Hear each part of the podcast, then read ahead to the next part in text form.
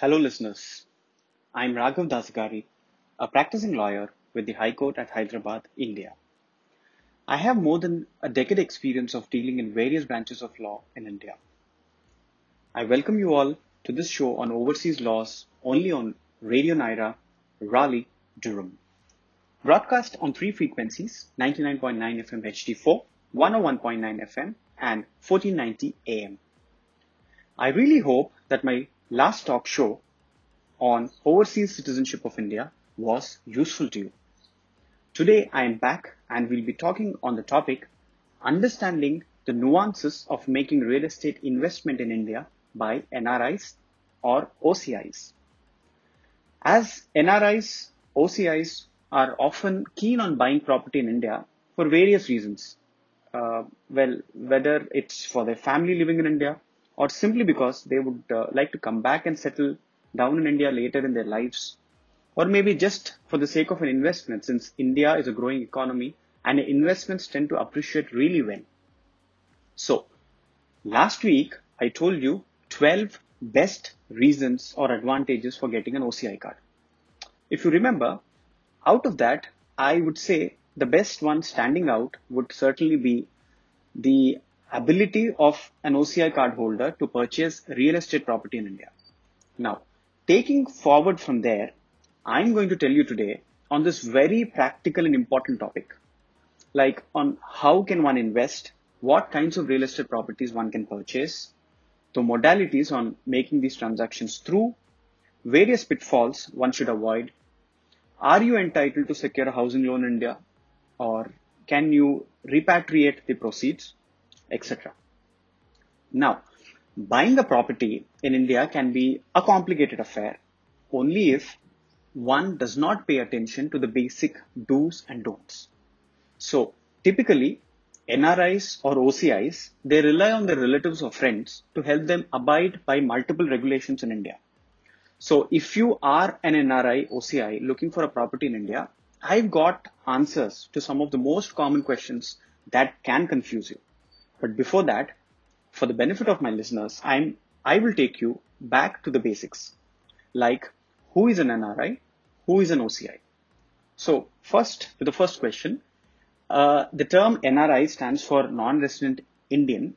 In simple words, it means an Indian citizen who is not a resident of India for various reasons like employment, business, vocation, or any other circumstances which clearly indicate his or her intention to, to stay out of India for an uncertain period. Whereas an OCI means a foreign national who gets registered as an overseas citizen of India, thereby holding an OCI card. Now, as I already told you, both NRIs and OCIs can invest in a real estate property in India. Now you may ask me, what are the types of properties or is it, is it open for any kind of property? Uh, no, actually, an NRI or an OCI can actually invest in any kind of immovable property. However, there's an exception of three categories. One being an agricultural land, you cannot, plantation property, you cannot, and a farmhouse, you cannot. So, barring these three exceptions, you can invest in any immovable property. Let's now discuss different ways of acquisition. Investment in real estate may be in different forms. This includes by way of a direct purchase or as a gift from a person residing in India or a gift from an NRI or an OCI relative. So the term relative as per the foreign exchange regulations means uh, it can be a husband, wife, brother or sister or any other lineal ascendant or descendant of an individual. Real estate may also be received by way of an inheritance from a person resident in India or from a person resident outside India who would have acquired the said property in accordance with the provisions of uh, the foreign exchange law in force at the time of acquisition. So, it's interesting to note that while an NRI or OCI cannot acquire agricultural land, plantation property or farmhouse by way of direct purchase or gift, the NRI OCI can however inherit the same. I will explain this further with some examples. So if there is an NRI or an OCI, he can purchase a immovable property, which is other than the exception that I've already told you. he can take it from a resident Indian citizen or he can purchase it from an NRI or an OCI. Now, similarly, if uh, the NRI or OCI wishes to acquire as gift the immovable properties which are other than the exceptions already said, it can be done from a resident Indian citizen, NRI or OCI. However, the key word here is they have to be a relative. Now, acquisition of any immovable properties as inheritance. Now, this can come from any person who has acquired it under laws in force or a resident Indian citizen. Now, when you ask me, can the NRI or OCI sell the property? Then uh, I would say if it is a property which is not an agricultural property or a farmhouse or a plantation property, then yes, they can sell the property to any resident Indian citizen or NRI or OCI for that matter. But when it comes to a property, an agriculture property, for example, which is an exempted property which you cannot directly purchase or accept as a gift, then that property, an OCI or an NRI can only transfer by sale to a resident Indian citizen. So, if it is a gift, uh, which is not an exempted property, then you can gift it, the NRI or OCI can gift it to the resident Indian citizen or an NRI or an OCI.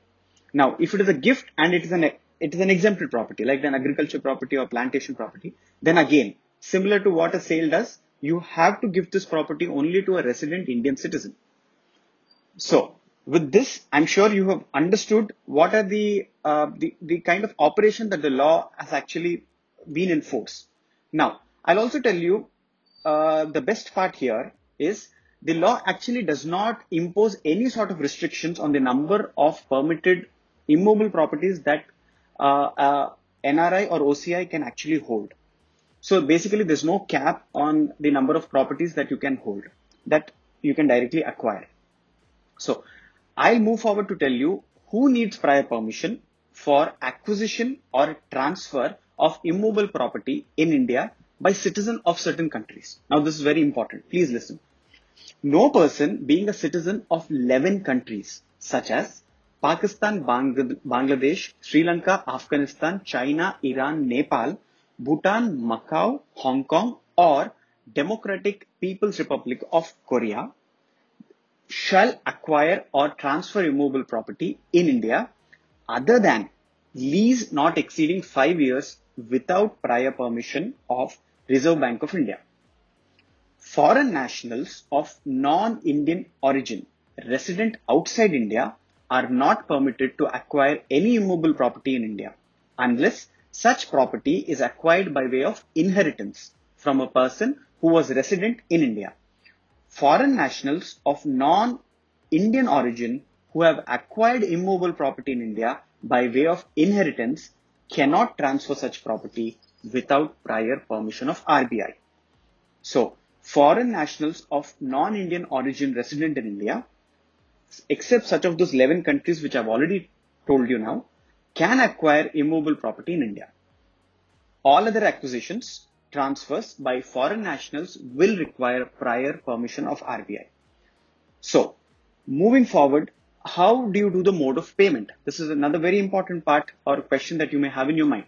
Now, investment in real estate by way of purchase should necessarily be made only through regular banking channels. The purchase could also be by way of debit to a NRE account, which stands for non-resident external rupee account, or a NRO account, which stands for non-resident ordinary rupee account, or it can be a FCNR account, which stands for foreign currency non-resident account held by an NRI or an OCI in India. However, please note, this is very important, payments cannot be made by any other mode. For example, traveler's check or foreign currency notes. This is totally prohibited in India. You may ask me next whether a spouse of NRI OCI can invest. Investment is permitted in joint name in only one immovable property.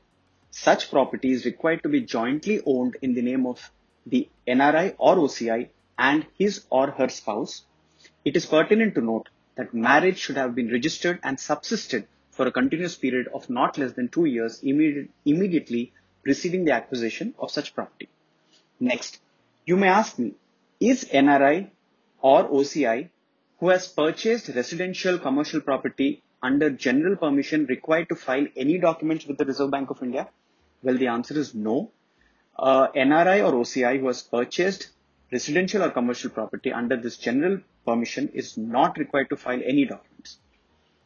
Can a foreign national of non-Indian origin acquire residential property on a lease in India? Yes, a foreign national of non-Indian origin may acquire only residential accommodation on lease not exceeding five years for which he or she does not require prior permission from the Reserve Bank of India. So moving forward, you may ask me, are NRIs or OCS eligible for housing loans to buy property from Indian banks? Uh, well, the answer is yes, provided they meet the following conditions. One, the quantum of loans or margin money and the period of repayment shall be at par with those applicable to housing finance provided to a person resident in India. Two, the loan amount shall not be credited to the NRE account or FCNR account or the NRR account of the borrower. 3. The loan shall be fully secured by equitable mortgage of the property proposed to be acquired and if necessary also by lien on borrower's other assets in India. 4.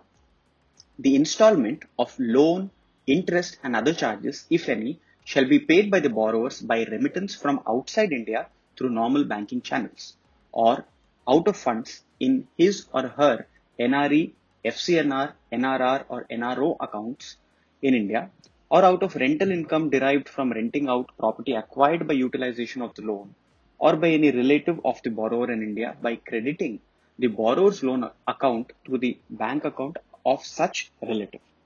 RBI has authorized banks and housing finance companies to provide loans to NRIs or OCIs to purchase residential properties in India. Such loans will be processed and sanctioned in Indian rupees and must be repaid in the same currency. Upon approval, the loan amount is regulated to be dispersed either to the seller's or developer's account and not to the loan seeker's account. So now, what are the documents that you need for applying for a housing loan? So NRIs or OCIs must furnish the following documents. However, I would suggest and advise you that it is very important that uh, you verify with your banker for accuracy. A copy of Indian passport or visa, or in case you are not an Indian, you don't hold an Indian passport, then a copy of the OCI card, work permit or your employment contract or appointment letter of your country of residence, your latest salary certificate or pay slips for the last six months, latest income tax returns, bank statements of NRE and NRO accounts for the last one year, bureau report of country of residence, and power of attorney in format provided by the bank. Now, how do you service the home loans? As far as payments of EMI for the home loan taken in Indian currency is concerned, the same can be done in the following ways. You either paid by direct remittance from abroad or from the money lying to, to the credit of your account, that is your NRE, NRO or FCNR accounts of the OCI or the NRI uh, account holder. In addition, you can also pay your EMIs from the rents received from such property or money transferred to borrower's account from the account of real relatives of such borrower. We are taking a quick break and we'll be back after these messages. After the break, I will tell you on repatriation of proceeds from real estate transactions, on uh, other important aspects related to the procedure for registrations and etc. So please stay tuned, tuned with us.